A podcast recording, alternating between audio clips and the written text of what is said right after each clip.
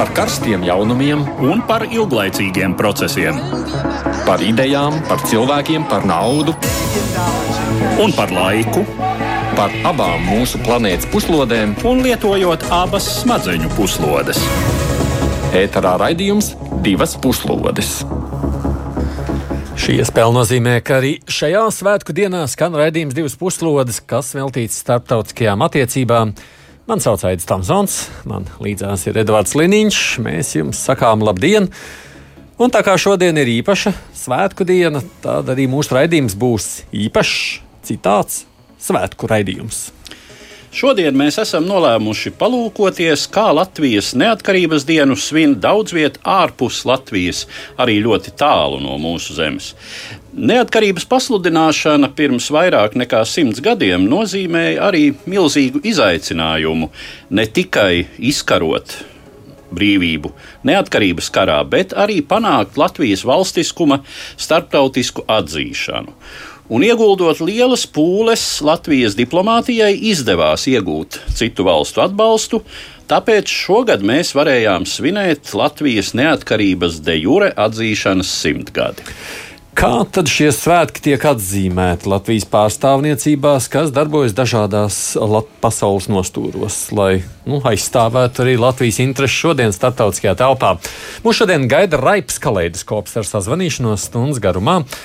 Tikai pirms es jau ceļu klausuli ar pirmo sazvanu, Eduards, kā tu raksturo īsumā to noskaņojumu, kāds valdīja pirms simts gadiem tajos Latvijas diplomātiskajos centienos?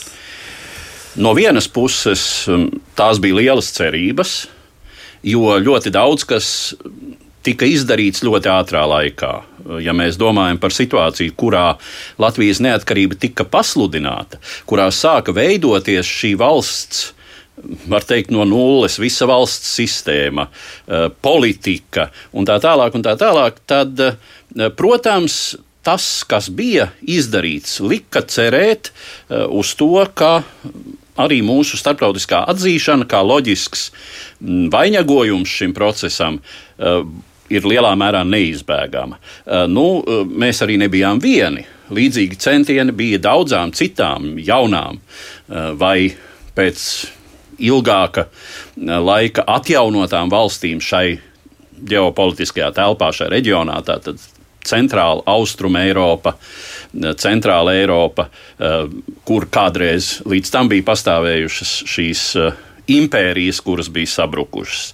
Bet, protams, bija arī ļoti daudz šaubu, šķēršļu, par mums maz zināja Eh, ar mums eh, maz rēķinājās, mūs īpaši nerespektēja vecākās, um, nostabilizējušās, jau gadu simtiem pastāvējušas valstis. Arī tās, kas tepat līdzās nebūtu, teiksim, eh, tāda Zviedrijas karaliste, Dānijas karaliste, nesteidzās mūs tā uzreiz atplestām rokām atzīt. Nu, kā zināms, Amerikas Savienotās valstis bija pēdējā faktiski no ietekmīgajām rietumvalstīm, kura uh, Uh, un arī ar lieliem iebildumiem uh, atzina Latvijas valstiskumu, uh, cik tālu uzskatīja, ka nu, teiksim, Krievijas, Krievija, mm, ne obligāti Krievijas impērija, bet Krievija kā um, starptautiskās politikas realitāte nevar tā vienkārši pazust. Un kā viņi to definēja, uh, tad tas, ka Krievijā ir jukas,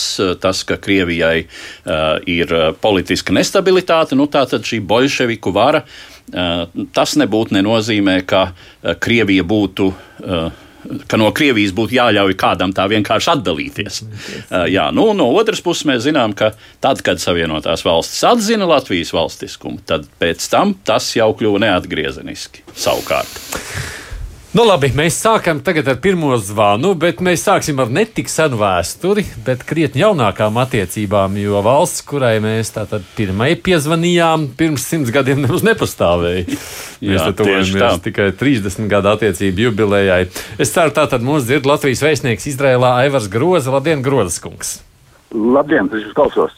Kāds noskaņojums valda pie jums šodien? Ja mums šodien ir, eh, nu, patiesībā sāk iestāties zima, plus 24 grādi, eh, cilvēki pat labi izvairās no peldēšanās, ūdens temperatūra tikai 22 grādi, tādā ziņā, tādā sākās, sākās Izraels zima.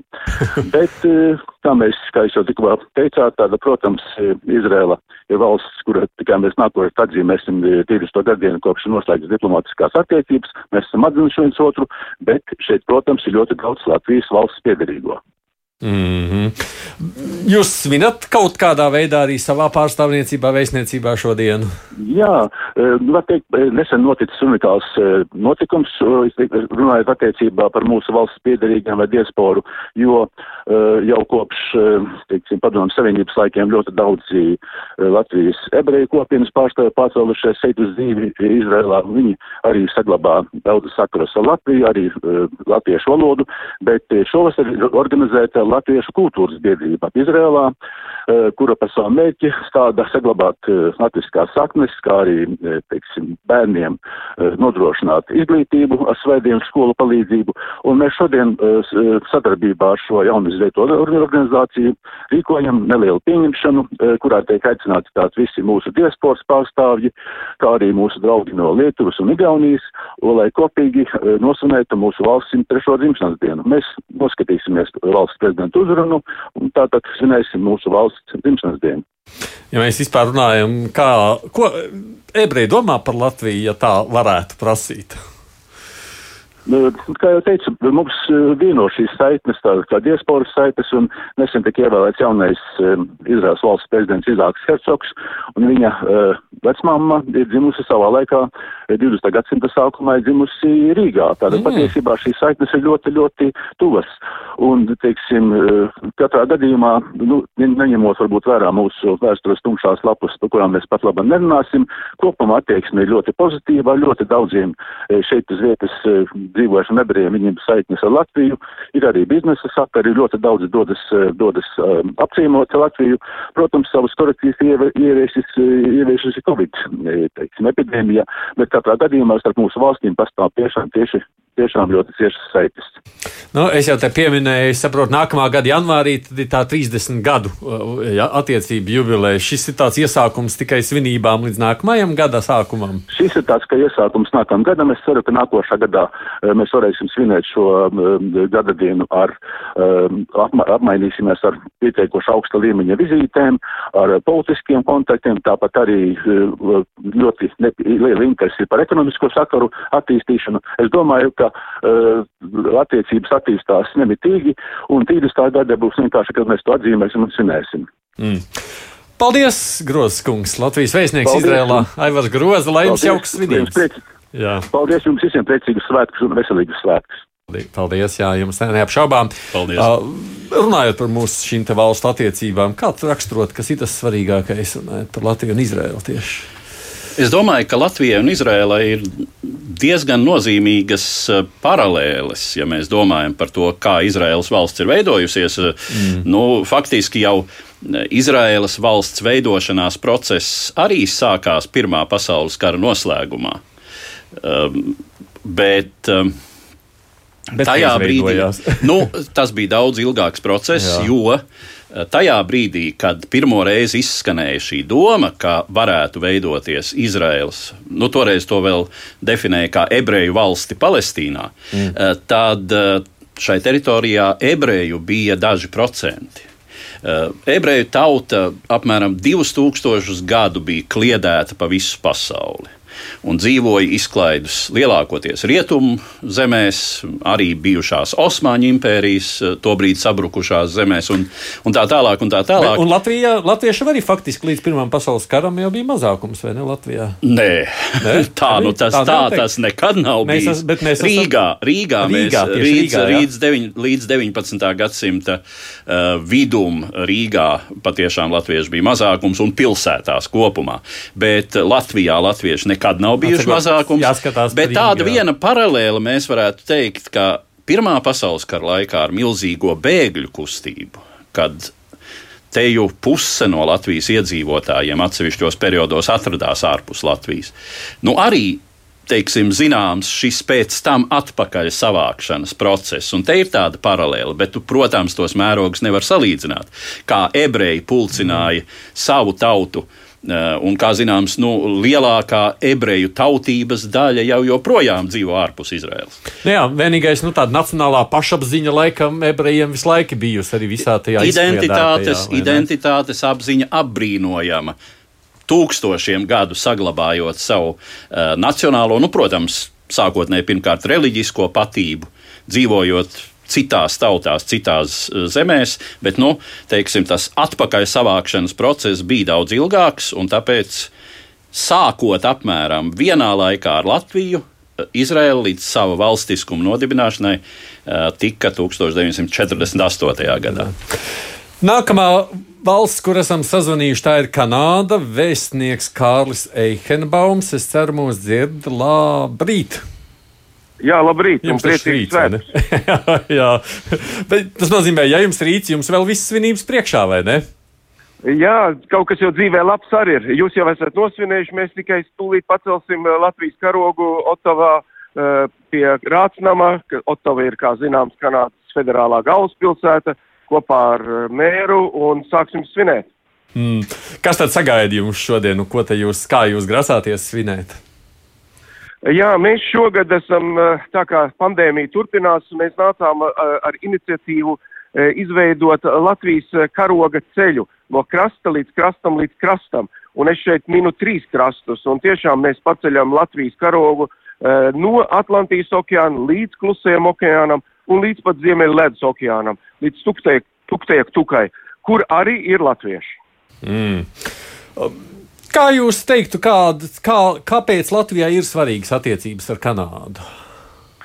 Nu, Latvijai ar Kanādu ir bijušas vienmēr svarīgas attiecības, eh, kaut vai tādēļ, ka jūs jau minējāt eh, savā iepriekšējā sarunā gāja runa par eh, tām mm, tautas, par to tautas daļu, kas dzīvo ārpusē, un Kanādā vēsturiski ir izveidojies tā, ka dzīvo diezgan liela apjomīga latviešu tautas daļa, un it īpaši tie, kas šeit rada patvērumu pēc otrā pasaules kara tad, kad Latvija bija okupēta un tad, kad uh, latviešiem vairs nebija bija atgriezts ceļš atpakaļ māju, vai arī tas būtu bijis taisnā ceļā pēc tam uz Sibīriju vai nu uz kādām citām represijām, viņi rada patvērumu šeit uh, Kanādā, saglabāja savu latviskumu, un tā, par to uh, es viņiem vienmēr saku paldies.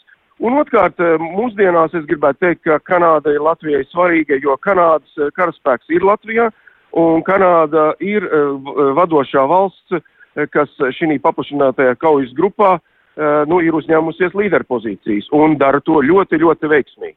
Jā, ne. Vēl tikai pabeidzot mūsu sarunu, tas latviskais Kanādā tiek visu laiku arī uzturēts, vai ne? Tā es saprotu. Eh, jā, noteikti. Mm, tas nav viegls process, eh, tas attālums ir liels, tā, tas spiediens no ārpuses ir pietiekami arī nozīmīgs. Bet es gribētu teikt, ka tagad arī ar Latvijas uh, valsts palīdzību mēs palīdzam diezgan daudz, uh, gan emocionāli, gan arī tīri uh, materiāli bieži vien, kaut vai šī karogu ceļā. Ja? Ne visiem, uh, lai cik tas arī brīnumaini būtu, ne visām latviešu organizācijām, kuras ir pa visu Kanādu, ja, bija Latvijas karogi. Nu, tad mēs tos kar Latvijas, karogu, Latvijas karogus, ko varētu tagad izkārt, sagādājām. Ja?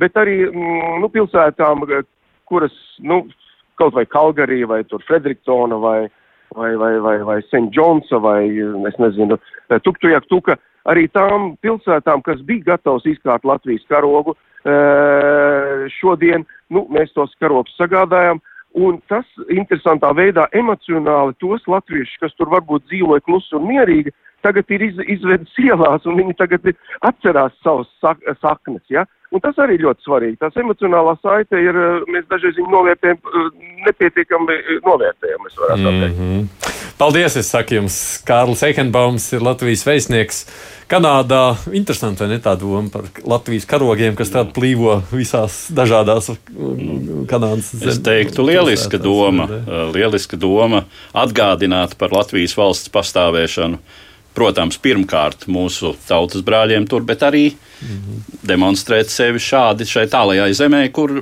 kura, protams, ļoti daudzi arī īsti nezina, ne, kas tā Latvija ir. Ko saka par tām mūsu attiecībām, ja runājam par Latviju un Kanādu tieši? Nu, tās vienmēr ir bijušas vairāk vai mazāk pozitīvas. Mm. Atkal jāsaka, brīdī, kad Latvija dibinājās, tad, nu, teiksim, Kanāda jau bija vairāk vai mazāk suverēna valsts, bet joprojām Britu impērijas sastāvdaļa, Britu domīnija. Mm. Tas ir tā interesanti, ka runājot, mm. mēs te šodien daudz runājam par valstu neatkarības iegūšanas Jā. procesu. Tad Jā. es paskatījos faktos, var teikt, ka Kanāda savu neatkarību no Britu kroņa ieguva procesā, no 1867. līdz 1982. gadam. Tikai 1982. gadā Britu parlaments zaudēja tiesības mainīt Kanādas konstitūciju. Oh. Un, bet, nu, kā zināms, Kanāda joprojām Uh, ir uh, Britu sadraudzības un, uh, un teiksim, oficiālā valsts, of, val, oficiālais valsts galva Kanādā joprojām ir Britu monarhs. Ja, eh, bet, nu, protams, eh, politiski šī valsts ir absolūti neatkarīga un suverēna. Eh, un diplomātiskās attiecības nu, starpkara periodā bija tā, ka, protams, tika Rīgā realizētas caur Lielbritānijas vēstniecību. Mm. Bet nu, tagad, protams, Kanādā ir sava vēstniecība. Eihenbaum kungs jau pieminēja Kanādas īpašo lomu NATO spēku sastāvā Latvijā. Nu, un, protams, šī milzīgā latviešu trimdas kopiena, nu, salīdzinoši ļoti lielā latviešu trimdas kopiena, mm, kas ir, manuprāt, te vai numur divi iespējams pēc Amerikas Savienotajām valstīm. Nu, tāpēc, ka valsts jau liela un tiešām daudz no Latvijas tur ir, to es arī personiski zinu. Bet nu, dodamies tagad nākošo valsti esam šobrīd sazvanījuši Norvēģiju. Pareizi es saprotu, vēstnieks Mārtiņš Klīva mūs dzird Norvēģijā. Labdien! Tā, halo! Klīvas kungs, vai jūs mani dzirdat? Es jūs nedzirdu. Vai varētu tā būt? Mēģināsim vēlreiz, mēģināsim pēc kāda īsa brīža pārzvanīt. Tad mēs iesāksim ar tevi sarunu par Norvēģiju. Tad Jā. runāsimies vēstnieku. Nu, tad, kad Latvija ieguva savu neatkarību, tad uh, pirmo reizi izveidoja savu valstiskumu. Tad Norvēģija arī nebija nemaz tik veca valsts. jo Norvēģija uh, kļuva par piln, pilnīgi neatkarīgu valsti, atdaloties no Zviedrijas savukārt, mm. ar kuru tā bija līdz tam personāla unijā. Tātad, Uh, abām valstīm viens monarhs. 1910. Uh, uh, gadā. Oh. Jā. Nu, Norvēģija, protams, tajā laikā bija no Latvijas politiski patālu. Mēs viens otru nepārāk interesējām. Tā, ja? nu, Pagaidām, paskatāmies, vispirms mums ir izdevies šobrīd Mārtiņu Klīvu sazvanīt. Klīvas kungs! Jā, jā, jā labdien, prieks jūs arī dzirdēt. Mēs jau mazliet iesākām runāt mazliet par mūsu savstarpējo vēsturi, bet šodien es saprotu, svinības jums tur ir diezgan bagātīgi paredzētas. Ir bagātīgi, jā, un svinības, ja var tā teikt, sākās jau, jau iepriekšējā nedēļā ar Latvijas plēšu dienas svinībām. Uh, Un tad mums bija kopienas svinības 13. novembrī, kur mums bija jau plašāka aptuveni 200 cilvēku un, un, un dažādu kultūras um, biedrību sanākšana ar, ar dejošanu, ar, ar pūtēju orķestru uzstāšanos, ar, ar, ar dziesmām, dejām. Un mums, jā, un vakar pat bija arī diplomātiskā pieņemšana, tā kā atšķirībā no Latvijas mēs esam salīdzinoši privileģētākā situācijā, jo, jo Covid apstākļi ir labāki un, un drīkst pulsēties. Un, svinības var notikt klātienē un daudz sirsnīgāk varbūt kā attālināt. Mm, es saprotu, gan tad muzikālā formā, gan arī nemuzikālā veidā jūs tur svinat. Tieši tā, jā, nu, sakums, Lāčplēša dienas svinībās mums bija vietējie teātra aktīvisti, maz, maz izspēlēja mums mazu tādu brīvības cīņu. Uh, ainiņas un, un, un, un uzvedumu, un, un jā, varējām gan, gan paskatīties, baudīt eh, gan, gan mākslinieku priekšnesumus, gan pēc tam paši dziedāt un svecītas aizdegt, tā kā pasākumi dažādi, tā skaitā mums arī tieši sakrit 13. novembrī arī bija Latvijas un Norvēģijas futbola spēle Oslo. Mums noslēdzās, varētu teikt, labvēlīgu rezultātu. Kurš tā vinēja? Nešķirts, vēl? nešķirts, jā. Draudzīgs nešķirts. Vai tas šis draudzīgais nešķirts raksturo arī mūsu attiecības savstarpējās Latvijas un Norvēģijas? Es domāju, ka viennozīmīgi, jā, mums ir, mēs esam NATO sabiedrotie un, un esam reģionālās Baltijas ziemeļvalstu sadarbības partneri un tās attiecības ir ciešas un tādas viņas ir jau bijušas jau diezgan ilgu laiku kopš neatkarības atgūšanas, neatkarības atgūšanas, tā kā, un, piemēram, ārlietu ministri būs pēc, pēc desmit dienām aptuveni arī Rīgā, kad būs NATO ārlietu ministru sanāksme, un ministriem paredzēt arī tikšanās divpusēji, tā kā, jā, attiecības tieši ciešas un, un turpināsim vēl ciešāk viņas veidot. Paldies Mārtiņam Klīvēm, es saku Latvijas veisniekam Norvēģijā.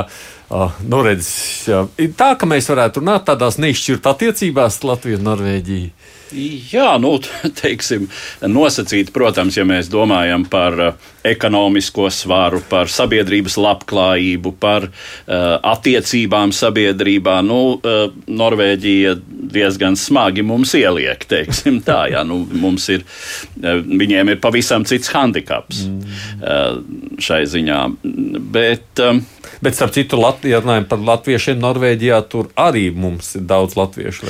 Jā, bet nu, te nu ir tā, ka šī kopiena ir izveidojusies pēc neatkarības atgūšanas, pēc 91. gada, Norvēģija bija viena no tām zemēm, kas visātrāk atvēra latviešiem savu darba tirgu, un tur arī šīs ekonomiskās iespējas, acīm redzot, bija. Tā, tur tāda pilnīgi no jauna, var teikt, izveidojusies kopiena, jo, cik man zināms, tad līdz 91. gadam latvieši Norvēģijā bija, nu, domājams, uz pirkstiem skaitām. Ja? Bet tā Zviedriju, jau mēs tulīt tās runāsim ar Zviedriju. Savukārt ar Zviedriju jau nu, mēs esam vistuvāk. Nu, tur ir pavisam cita attiecība vēsture. Es vēl gribētu piesaukt vienu savu personisku atmiņu šai ziņā, un nu. vienu konkrētu Norvēģi. Mm -hmm. un, un tas ir Rihards Beruks, uh, kurš ieradās aiz tīras intereses par Latviju un par latviešu valodu ieradās šeit, Latvijā, 90. gadā. Un eh, viņam bija milzīgi nopelni. Viņam ir milzīgi nopelni tais pirmo sakaru veidošanā. Viņš bija arī pirmais Ziemeļvalstu informācijas biroja vadītājs šeit, Latvijā.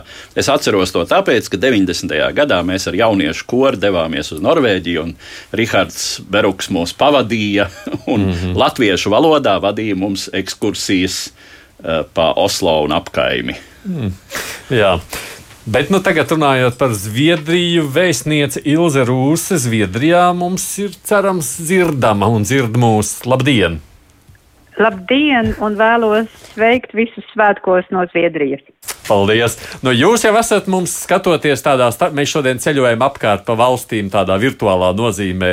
Jūs esat mums tie tuvākie, gan drīz vai viena no tuvākajiem kaimiņiem. Kā tad Zviedrijā svin um, šo te neatkarības dienu Latvijas?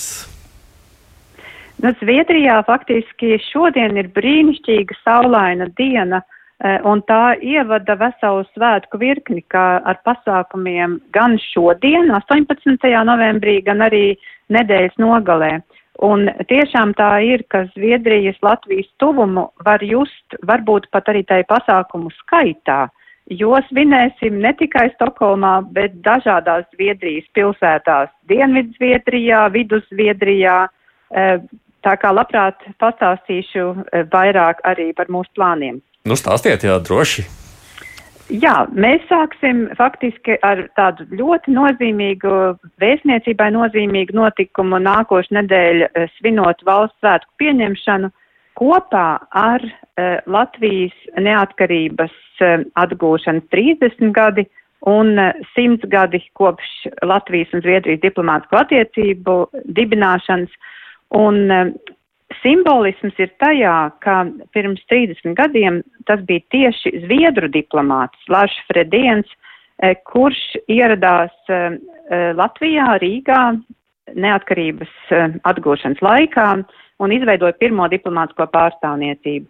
Un mūsu valsts svētku pieņemšanā man būs tas gods uzrunāt Stokholmā valsts svētku viesus kopā ar šo leģendāro personību, uh, un esam aicinājuši gan valdības pārstāvus, politiķus, ārvalstu diplomātus, e, bet arī Latvijai nozīmīgos, e, ekonomiski e, nozīmīgos investorus un latviešu organizācijas pārstāvi arī būs klāt vēstniecības organizētajā pasākumā. Bet tad pieminot, ko darīs latvieši šeit Zviedrijā, šobrīd varētu teikt, ka Zviedrijā dzīvo apmēram nu, ap desmit tūkstoši latviešu. Un tas ir visā visos Zviedrijas reģionos kopā un ir plānoti Zviedrijas organizāciju veidoti pasākumi Vidusviedrijā Erebrū un Dienvidzviedrijā Gēteborgā. Būs pasākums Karlskrūnā un Upsalā jau ir atzīmēta Lāčplēša diena kopā ar valsts svētkiem. Tā kā tiešām apjomīga svinēšana, un pēc dažām stundām pēc šīs sarunas es arī došos Stokholmas vecpilsētā, notiks ekumeniskais dievkalpojums um, par godu Latvijas valsts svētku svinībām. Mm. Paldies jums par ļoti interesantu izstāstu, un lai jums izdodas šovakar tāda patiesa svētku noskaņa. Es jums saku Ilzai Rūsei, kas ir Latvijas vēstniece Zviedrijā. Paldies par sarunu! Uh, nu, runājot par mūsu valsts attiecībām, oh, jā, nu, tur nu var teikt, tā. tur, tev būs Zviedrija. jā, es, nu, sāksim ar to, ka ar Zviedriju mums attiecības ir kādus tūkstošus gadus vismaz. jā, jo Zviedru, Zviedru kolonija pie grobiņas izveidojās 7. gadsimtā, kad oh. vikingu ēra oh. pat vēl īsti nebija oh. sākusies. Oh. Un tur kādu laiku pastāvēja, kamēr kurš viņus no turienes izmet ārā. Bet, protams, jā, Zviedru laika vidzemē. Uh, un uh, arī teiksim, starpkara periodā Zviedrijas karaļa Gustavs V vizīte Rīgā uh, bija viena nu, faktiski Mm, te jau vai augstākā uh, ranga valsts vizīte, kāda starpkara periodā Latvijā notika. Nu, ja neskaita, teiksim, kaimiņu valstu prezidents, bet tas tiek atzīmēts kā tāds īpašs notikums. Uh, jā, un šis moments, ka Zviedrija, tas arī uh, tā spilgti, ja, ka 91. gadā Zviedrija 28. augustā atzīst Latvijas neatkarības atjaunošanu, mm -hmm. un 29. augustā dienu vēlāk atver vēstniecību. Jā. kas, kas ir tāpēc, ka Zviedrija starpkara periodā atzina Latvijas inkorporāciju Padomju Savienībā. Mm. Uh, tas no vienas puses ir tāds nesevišķi patīkams fakts. Bet, šī bija tāda kļūdas labošana. Ja? uh, šī bija defekta pārvēršana par efektu, kā tas toreiz tika formulēts. Jo tieši tāpēc, ka Zviedrija bija atzinusi Latvijas inkorporāciju. Uh, Tā varēja vēl pirms neatkarības atjaunošanas atvērt Latvijā savu pārstāvniecību, proti, konsulātu. Mm. Un gluži vienkārši konsulāts nomainījis kārtni, kļūdams par vēstniecību. Interesants jau tās attiecības, bet mēs gribam vēl vairākas valsts. Mēs šodien tā, nu tā, tā, tā gribam pēc iespējas plašāk palūkoties. Tāpēc tagad esam savukārt jau sazvanījuši Spāniju, dodamies krietni uz dienvidiem. Uh, mums tur ir vēstnieks Mārs Klišāns. Klišāna kungs, vai jūs mūs dzirdat? Jā, labdien, dzirdu, priecīgs svētkus. Paldies, priecīgs svētkus arī jums. Izstāstiet, kā tad Spānijā svinam šo neatkarības dienu? Nu, jā, e, patiesībā šogad mums ir dubulti svētki. Tā ir Latvijas valsts 103. E, gada diena, un vēl šogad paiet simt gadu kopš Latvija un Spānija nodibinājusi diplomātiskās attiecības. Tā kā pasākumu iespēja robežās mums bija, e, vairāk vai mazāk, cik jau nu varējām, bet, bet tiešām ir, ir, ir prieks par to, kas izdevās. Un varbūt es gribu pateikt jums pašā sākumā, ka tieši pirmdien pāris dienas atpakaļ mums bija Latvijas valsts proklamēšanas dienai veltītais svinīgais sarīkojums, un tas bija ļoti skaists.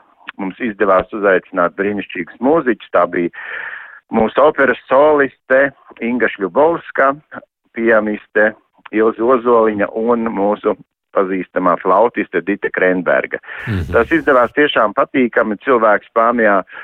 Kaut arī ir iespējams apmeklēt pasākumus, nu, protams, ievērojot uh, visus Covid noteiktās normas, bet cilvēki ir izslāpuši pēc šādiem pasākumiem tikties klātienē, un vēl jau vairāk ir iespēja baudīt šādu skaistu koncertu. Tas mm -hmm. ir par, par nu pat aizritējušiem valsts svētkiem. Vai ir vēl kāds jautājums konkrēts, vai es varu turpināt par to, kas ir bijis? Paturpiniet, paturpiniet. Labi, jā. Tad ejam nedaudz, eh, kā saka, mm, ejam uz atpakaļ. Mm. Skatāmies uz septembri. Septembrī bija iespēja mūsu tautiešiem tikties ar Noru Ikstenu, kurai iznāca grāmatas tulkojums spāņu valodā, visiem zināmais mātes piens. Un patiesībā mēs izmantojām izdevību nošāvām divus zaķus, jo Nora bija ielūgta uz savas grāmatas atklāšanu tieši uh, uz Madrides grāmatu, mēs grāmatu tirgu. un viņai bija tikšanās ar izdevējiem, uh, iespējams, ka vēl ies tālāk par Spāniju uz Latviņameriku, spāniski runājošajām valstīm, tā tad uh, droši vien, ka kādreiz vai Meksikā vai Venecijā vai Argentīnā arī varēs lasīt šo brīnišķīgo grāmatu, jo ir vajadzīgs autortiesības no Noras. Un izmantojot to, ka viņa bija šeit kopā ar grāmatas tulkotāju, mēs organizējām mūsu latviešiem tikšanos ar Noru, un viņa laipni piekrita šai tikšanās, e, lasīja e, no savas grāmatas latviešu valodā fragments, un tulkotājs turpat e, blakus to uh, lasīja arī spāniski, un pēc tam Nora atbildēja, un arī to, ko es atbildēju uz jautājumiem, pastāstīja, ko viņa dara šodien, pie kā strādā, un patiesībā, uh, jā, tas bija ļoti, ļoti patīkams um, tāds um, pārsteigums, jo arī tautiešiem diezgan ilgi nekas nebija bijis mm -hmm. saistībā ar Covid. Jā, tad, ja mēs ejam vēl atpakaļ, tad man ir jāstāsta jums par 15. jūniju kad mums Madridē notika brīnišķīga izstāde, kura, nu, es domāju, bija jau kādus divus gadus tika gatavota, un tā bija mūsu Latvijas tekstilmāksla, kurā bija pārstāvēti 48 mākslas darbi un 29 autoru darbi sākot ar, ar vecmeistariem Paulu Vīnu, Paulu eh, Edītu Pauls Vīgneru, Egilu Rozenbergu, beidzot ar jauno paudzi, un, un tie tad bija tradicionālie gobelēni un, un līdz pat instalācijām un uh, tādiem dekoratīviem mākslas darbiem, nu, visdaž, kad bija veidot daž, visdažādākajā tehnikā. Izstāde notika Madrides Nacionāla dekoratīvās mākslas muzejā, uh, Un tā ilga no, tātad no 15. jūnija atklāšana, 15. septembrī mēs viņu slēdzām un, un bijām ļoti gandarīti, ka 5600 apmeklētāji apskatīju šo izstādi, tātad gan spāņi, gan madridieši un, protams, turisti, jo tā vieta bija izcila pašā pilsētas vidū, un ja cilvēki, teiksim, iet pastaigāties un, un redz, ka ir kaut kas tāds, ka var viņi domā, kas tur tāds varētu būt, mums ir ļoti skaists plakāts muzejā ārpusē, un tā tad viņi apskatījās un iepazinās ar šo te izstādi. Mm -hmm. Nu, es saprotu, jā, es saprotu, jā, es saprotu, jūs varētu daudz stāstīt, bet tā kā mums ir vēl dažas valsts apzvanāmas, tad es jums teikšu paldies, vienkārši bezgalīgi interesanti. Kādā veidā Latvijas vārds nesās, nesās pasaulē? nesās pasaulē. Jā, ja jūs man atļautu vienu teikt, ja jūs Jā, atļaut vienu teikumu pateikt, kas arī bija izcili, kaut arī tas notika, uh, nu, uh, kā saka, pa attālumu, tā kā es saku, šajos formātos, iz, izmantojot jaunās tehnoloģijas, tad um, mums bija brīnišķīgs Jāņu uh, pasākums, patiesībā tas nebija pasākums, tika ierakstīts uh, mūsu spāņu folkloras kopas ābolīši dziedājums un dažādas tradīcijas, ar ko, ko viņi, teiksim, gatavos Jāņiem, kā viņi uh, zīmē. Tie bija pārsvarā bērni, un tas viss tika ierakstīts un tika izveidota tāda filmiņa, kuru joprojām var redzēt YouTube. Un, teiksim, kāpēc es to tiešām gribēju pieminēt, tas bija mūsu diasporas projekts, un vienkārši ir nu, skaidrs, ja mēs nevaram klātienē, mēs varam izdarīt arī attālināt kaut ko, un, un, un, un cilvēki ir gatavi, un īpaši jaunā paudze, un skatīties to Zoom platformā, es domāju, tas ir brīnišķīgi. Paldies jums, es saku Latvijas vēstniekam Spānijā Mārim Klišanam, kur mēs sazvanījām. Uh, nu jā, Spānijā redz, tas ir veids, kā mēs to vārdu varam nest pasaulē. Bet runājot par Spāniju, ko tu varētu piebilst? Vienu interesantu faktu es gribu piebilst. Starpkara periodā Latvijai nebija vēstniecības Spānijā, jā, vispār, jā. bet uh, Latvijas vēstniecība Spānijā tika atklāta padomju okupācijas periodā. Hmm. Tas bija saistīts ar Spānijas valsts politiku. Toreiz tā, bija Franko diktatūra ar izteikti pretpadomju politisko nostāju. Un, Ša, šajā kontekstā Latvijai un pārējām Baltijas valstīm tika piedāvāts izveidot šeit savus pārstāvniecības, kam bija vairāk simboliska nozīme, bet patiešām Latvijas vē, sūtnis rezidēja Madridē no 1953. gada līdz 1969. gadam. Cik interesants fakts, tiešām neapšaubām interesants fakts.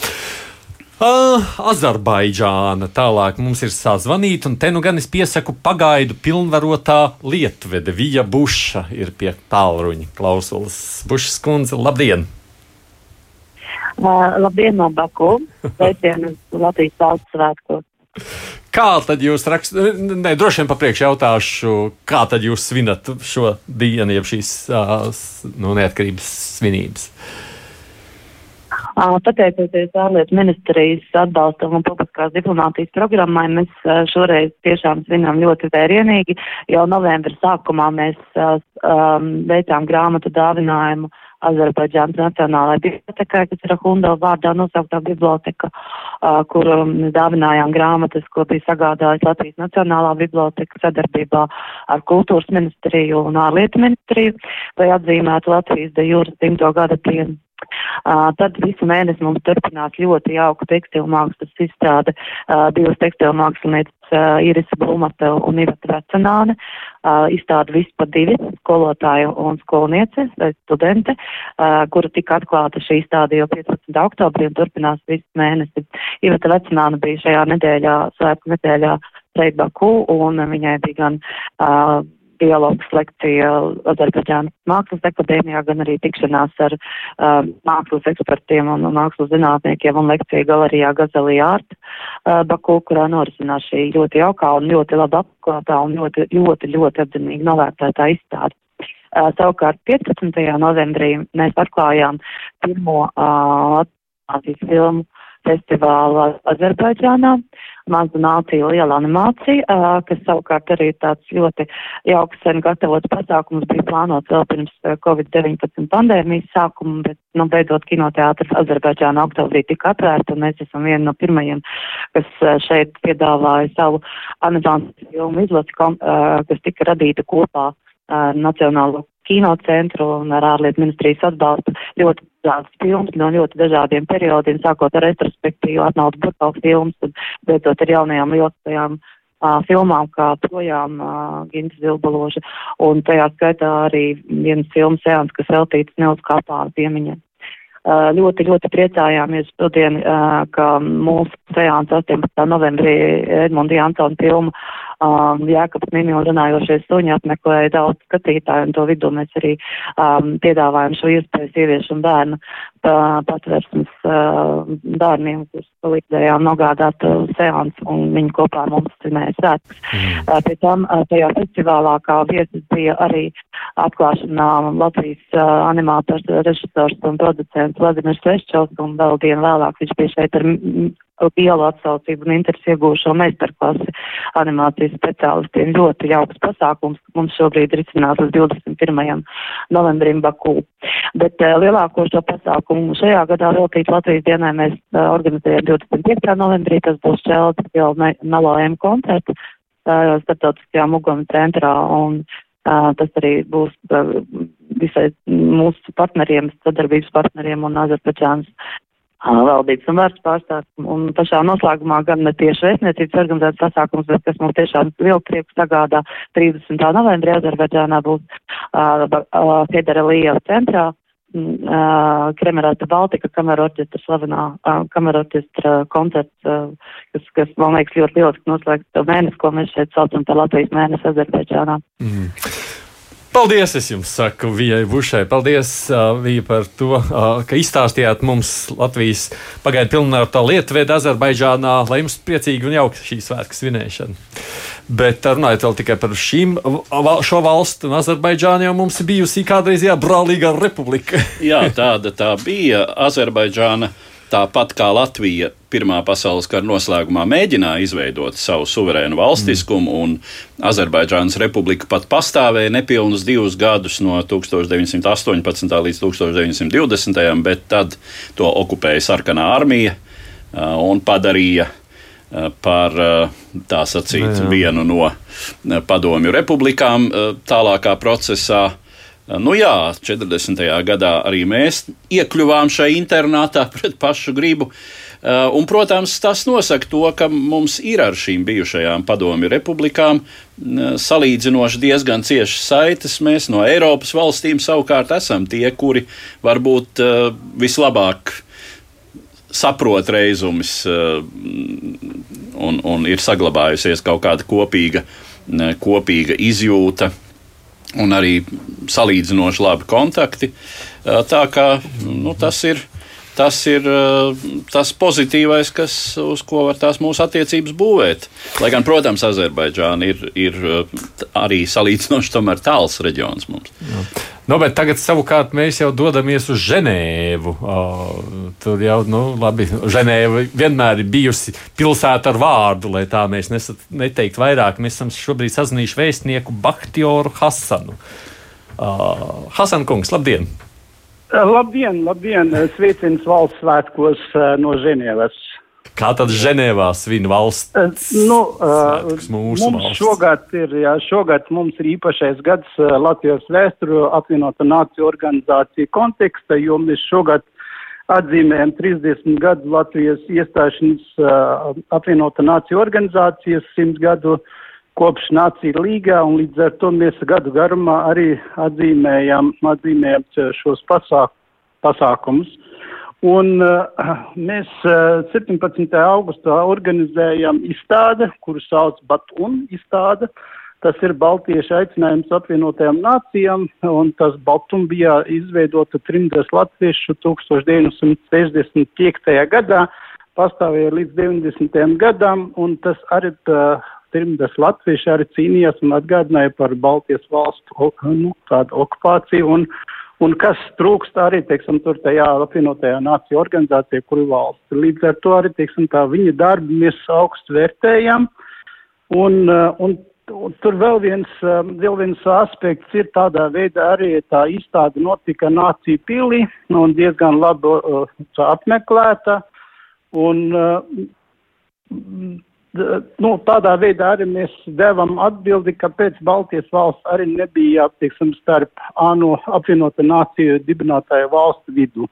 Mm. Un eh, šodien, šodien mēs iestādījam ANO uh, Ženevas centrālajā parka uh, ozolu, uh, kā dāvana, tur gan, gan pilsētai, gan arī, teiksim, dāvana, kā nākotnē, sveiciens kā nākotnes paudzē, jo Ozols ieņem Latvijas kultūra vēsture īpašu vietu. Un uh, es esmu, nu, man ir uh, Latvijas uh, folklors un mutvārds dairāds ir diezgan tūs sirdi. Un Lat, Ozols ieņem arī, teiksim, tādā īpašu vietu arī tautsviesmas, teikas un ticējumos. Un kā tauta saka, Latvijas ir tā teiciens, Ozols aug 300 gadu un bries 300 gadu, novis 300 gadu. Un, uh, Un tad es, es ceru, ka teiksim, mūsu ozols arī priecēs teiksim, vēl apmēram tūkstošu gadu mūsu, mūsu, mūsu, mūsu, mūsu cilvēku. Mm. Un tāpat arī plānojam 28. novembrī organizēt Šveice dzīvošiem latviešiem pieņemšanu, jo uh, tas ir svētdiena, jo šodien darba dienā mūsu mērķis ir sapulcēt uh, latviešu, uh, latviešu diasporu, uh, no, no visas Šveices, ne, ne tikai no Ženevas darba dienā, pēc viņu lūgumiem mēs vienkārši pārceļam uz svētdienu. Mm. Paldies! Es jums saku vēstniekam Baktioram Hasanam, kur mēs sazvanījām Ženēvā. Runājot par Ženēvu, tad uzreiz droši vien tad jāpaskaidro, vai ne tiem uh, mūsu klausītājiem. Mēs nerunājam par Šveici, mēs runājam par ANO. Jā, mēs runājam par Latvijas vienu no pārstāvniecībām pie ANO struktūrām. Nu, kā zināms, Ženēva bija vieta, kur starpkaru periodā uh, darbojās Nāciju līga, jeb Tautu Savienība. ANO priekšteci. ANO priekšteci, jā, pēc Pirmā pasaules kara izveidot ar cerībām, ka šī starptautiskā organizācija novērsīs tālākus globālus konfliktus. Diemžēl šīs cerības neīstenojās. Baltijas valstis bija Tautu Savienības loceklis, aktīvi tur darbojās. Nu, kā jau vēstniekungs to minēja, tad apvienoto nāciju organizācijā, kas tika izveidota pēc otrā pasaules kara, Baltijas valstis neiekļuva nu, gluži vienkārši tāpēc, ka tās bija anektētas, tās bija Padomju Savienības varā, un Padomju Savienība, protams, kā viena no šīs apvienoto nāciju organizācijas dibinātājām, to, to brīdi pastāvīgā drošības padomas locekli nepieļāva īsti pat nedomu par uh, kaut kādu uh, šo valstu pārstāvniecību citādi kā caur Padomju Savienību. Jā. Nu, par ANO, protams, tur jau man liekas, mēs esam atsevišķi savu laiku vispār radio diezgan runājuši par to, kādā veidā veidojās Latvijas un ANO attiecības. Tā kā šis varbūt ir mazliet zināmāks temats, bet runājot par Latvijas attiecībām ar Čehiju, mums ir vēstniece Gunta Pastors šobrīd sazvanīta. Pastors kundze, labdien! Labdien! Priecīgs svētks jums! Priecīgs svētks arī jums visiem no Čehijas. Es saprotu, ka Čehijā ļoti interesanti svin šo neatkarības dienu. Jā, jā, mēs Čehijā Latvijas dzimšanas dienu svinēsim šo sestdienu kopā ar uh, mūsu latviešiem Čehijā un arī ar mūsu čehu draugiem. Un uh, jāsaka, ka šeit uh, Čehijā ir tāda neliela, bet uh, ļoti aktīva un uh, draudzīga uh, latviešu kopiena. Mums ir polgrupa, skoliņa, un mums ir Prāgas riekskoži, kas uh, veiksmīgi startē prātu spēlēs latviešiem pasaulē. Un tāpēc, un tāpēc mēs būsim patiešām ļoti priecīgi un, un, un būs prieks, ka svētkos atkal visi varēsim sanākt kopā. Un, protams, uh, atbilstoši epidemioloģiskajām prasībām, tāpēc mēs uh, šo svētku svinēsim ārā apstākļos vēstniecības dārzā ar kopīgu himnu un latviešu dziesmu dziedāšanu un ugunskuru. Nu, katrā ziņā mums noteikti būs kopīgā svētku sajūta. Mm -hmm. bet, jā, jā, turpiniet, šis, turpiniet. Jā, jā, bet šis, šis ir īpašs gads Latvijai un Čehijai, un arī, jo arī mēs atzīmējam mūsu valstu diplomātisku attiecību simtgadi. Un mums ir bijuši jau virkne pasākumu vēl ir priekšā, bet šim notikumam par godu uh, vēstniecībā ir sarūpējis vēl īpašu dāvanu uh, digitālo platformu Latvija Čehija 100. Un šis ir tāds uh, skaists projekts, kur mēs esam digitalizējuši dažādus spilgtākos faktus un fotogrāfijas un video, kas stāsta par mūsu valstu attiecībām. Un jāsaka, ka tiešām šis ir, bij, šis ir tāds ļoti piesātināts laiks, kas arī parāda, ka, ka Latvijai un Čehijai attiecības ir tiešām lieliskas, ka mums ir līdzīga vēstures izpratne un ka mēs esam šodien cieši partneri Eiropā, NATO un jā, arī Čehi piedalās NATO spēkos Latvijā, par Nu, ko mēs esam ļoti Bet pateicīgi. kur varēs redzēt to, jo es saprotu, ja jau ir digitāla platforma, tad es arī savā Rīgas krēslā sēžot varētu ielūkoties. Nē, Jā, jā, digitālo platformu aicinām uh, jūs, radio klausītājus, paskatīties un mūsu, mūsu vēstniecības mājaslapā un arī mūsu Facebook kontā jūs varēsiet atrast, iepazīties ar šo digitālo platformu. Mm. Nu, paldies, man jāsaka, jums par izstāstīto vēstnieci Gunta Pastori, kur mums ir Latvijas vēstniece Čehijā runājot. uh, uh, Nu, tātad šeit ir iespējas jau kādiem interesantiem pašiem iet iekšā. Redz, mēs te minējām diezgan daudz valsts, kuras, nu, ar kurām mums tās attiecības nav tie simts gadi. Čehija ir. Nu, uh, jā, var teikt, ka ir laika. tad arī nebija Čehija, vai ne? Jā, tā, tā bija Čehoslovākija. Nu, viens noteikti, jā, tad latviešu eh, nācija un eh, čehu nācija kā tāda. eh, Savu valstiskumu, var teikt, izveidoja pēc Pirmā pasaules kara. Nu, protams, eh, Čehi skatās arī uz savu viduslaiku vēsturi, ka tā bija Bohēmijas karaliste, eh, un tā pamatā bija Čehu valsts, bet nu, viduslaikos tie valstiskumi bija pavisam citāda rakstura. Eh, Bet eh, tā tad, jā, eh, tajā brīdī izveidojās Čehu un Slovāku nāciju kopvalsts, divu nāciju valsts, kas pastāvēja eh, līdz 1993. gadam, kad tomēr abas šīs nācijas saprata, nu, pirmām kārtām tā kā Slovāki to vēlējās, bet Čehi arī īpaši nelika šķēršļus, un bija šī samtainā šķiršanās, eh, tāda parauga šķiršanās starp divām līdz tam vienu valsti veidojušām nācijām, saglabājot ļoti labas attiecības.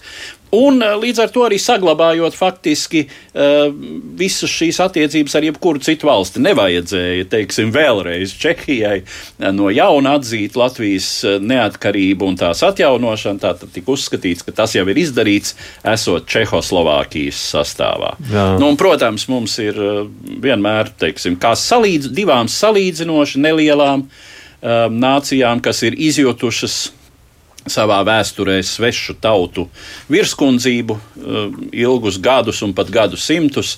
Nu, tā mentalitāte mums ar Čehiem, es domāju, tiešām ir līdzīga. Mēs viens otru šai ziņā labi saprotam. Jā, nu, mums jau arī tā vēsture mazliet liek vairāk vienam otru saprast, ņemot vērā arī kaut vai tās ilgas pēc brīvības. Bet, lai būtu dažādība, mēs šoreiz vēl dosimies pēdējā sazvanā pilnīgi uz citu uh, nu, pusi no Latvijas. Un, proti, esam sazvanījuši Āri Vīgantu, kurš ir Latvijas ārkārtējais un pilnvarotnais vēstnieks Korejā.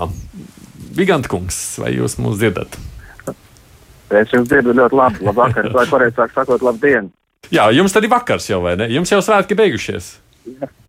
Jā, pulkstenis 11 šobrīd ir, bet uh, katrā ziņā uh, prieks jūs dzirdēt un priecīgs svētks no Korejas. Kā jūs nosvināt Korejā mūsu neatkarības dienu? Uh, jāatzīmē, ka oficiāli Latvijas valsts svētku svinēšana 18. novembrī uh, tradicionālās pieņemšanas formā šogad mums izpaliks. Tādēļ joprojām pastāvošajiem Covid-19 pulcēšanās un pasākumu īstenošanas ierobežojumiem Tomēr jābilst, ka Dienvidkorejā situācija ir salīdzinoši normalizējusies un valdība nākus klajā ar stratēģiju, kāds atdzīvot ar Covid-19, kas nozīmē, ka tuvākajā laikā un atkarībā no situācijas pakāpeniski tiks samazināt vai atcelt ierobežojumi, kas saistīti ar pulcēšanos un masu pasākumiem. Uh, mm. Vienmēr sakot, uh, mūsu gadījumā uh, Covid uh, ietekmēja uh, mūsu darbu un mums nācās nemitīgi pielāgoties situācijai. Līdz ar to arī daži pasākumi tika pārcelti uh, tiešsaistes platformās, un, un, bet mēs rīkojām dažādas pasākums, kā saka, lai atzīmētu arī svarīgu notikumu, kas ir šogad ir 30. gada diena kopš diplomātsko attiecību izveidošanas starp Latviju un Koreju. Mm -hmm.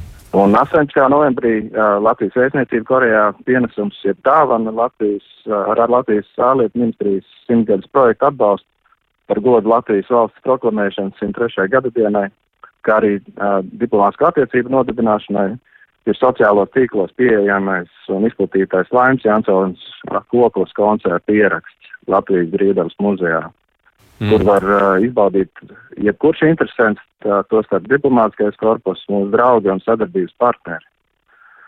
Mm. Bet tā šī gada laikā mēs uh, esam uh, uh, korejiešu publiku arī uh, priecējuši ar dažādiem uh, pasākumiem, kas ir saistīti ar izstādēm, kur ir uh, izstādīts uh, gan uh, par Latvijas arhitektūru, Latvijas, latviešu tautas starpiem un, un māksliniekiem.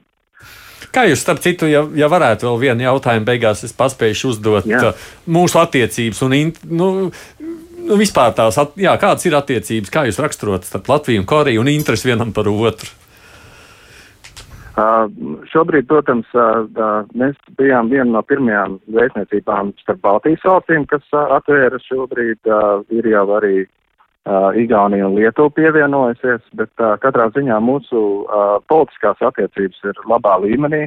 Arī ekonomikas rādītāji uh, turpina pieaugt ar katru gadu, un arī ir plaša kultūras sadarbība un, un sadarbība izglītības jomā, un arī studenti Uh, kā zināms, arī ir iespēja viņiem mācīties korejiešu valodu Latvijā, un, un arī tāpat tās ir apmaiņas studenti, kas viesojās šeit un mācās Korejas universitātēs. Mm -hmm, interesanti. Paldies! Es jums saku Latvijas vēstniekam Korejā, Ārim Vīgantam, kur mēs sazvanījām, runājot vēl par šo valstu attiecību, vai ar Āziju, vai nē, no tā mums ir tāda mazliet eksotiskāka vienmēr nu, liksies. No, tā ir visnotaļ eksotiska Latvijai, jā, un uh, Koreja ir. Uh, Korejas republika, ar kuru mēs sazvanījāmies, jā, jā. Ir tāda, tādā īpašā situācijā, jo tā ir uh, vēl joprojām, um, nu, teiksim, uh, valsts tādā, ne, nevar, to nevar saukt par pagaidu statusu. Korejas republika ir starptautiski atzīta valsts, bet uh, nu, tās izveidošanās apstākļi ir Jā. Uh, tādi, ka tā tapa kara rezultātā, kura kurā Korejas pussala tika sadalīta dienvidu un ziemeļu daļā. Dienvidos izveidojās pa, pakāpeniski demokrātiski iekārta, tirgus ekonomika. Dienvidu Koreja kļuva par vienu no tā sauktajiem Āzijas tīģeriem.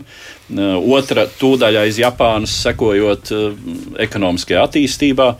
Nu, Ziemeļkorejā mēs zinām, par to nerunāsim. Par to nerunāsim. Bet pabeidzot, mums ir 20 sekundēs, kā tev šķiet, runājot par Latvijas diplomātiju, kas ir svarīgāk - vēsture vai nākotne? Um, nu, uz vēsturi mēs balstāmies, un nākotne ir tas, uz ko ir jāskatās, kur ir tradīcijas, iestrādātas attiecības. Tas, protams, ir ļoti svarīgi un tas ir jāsaglabā, uh, bet ir jāskatās, protams, ir jāskatās tur, kur, uh, kur virzās pasaule. Un šai ziņā Koreja, es domāju, mums būs nākamajās desmitgadēs ar vien svarīgāka. Edvards Liniņš, studijā bija Aits Tamsons, producents Ieva Zeiza. Tiksimies jau pēc svētkiem, tad jau lūkosimies, kas būs arī aktuāls, ko vajadzēs runāt.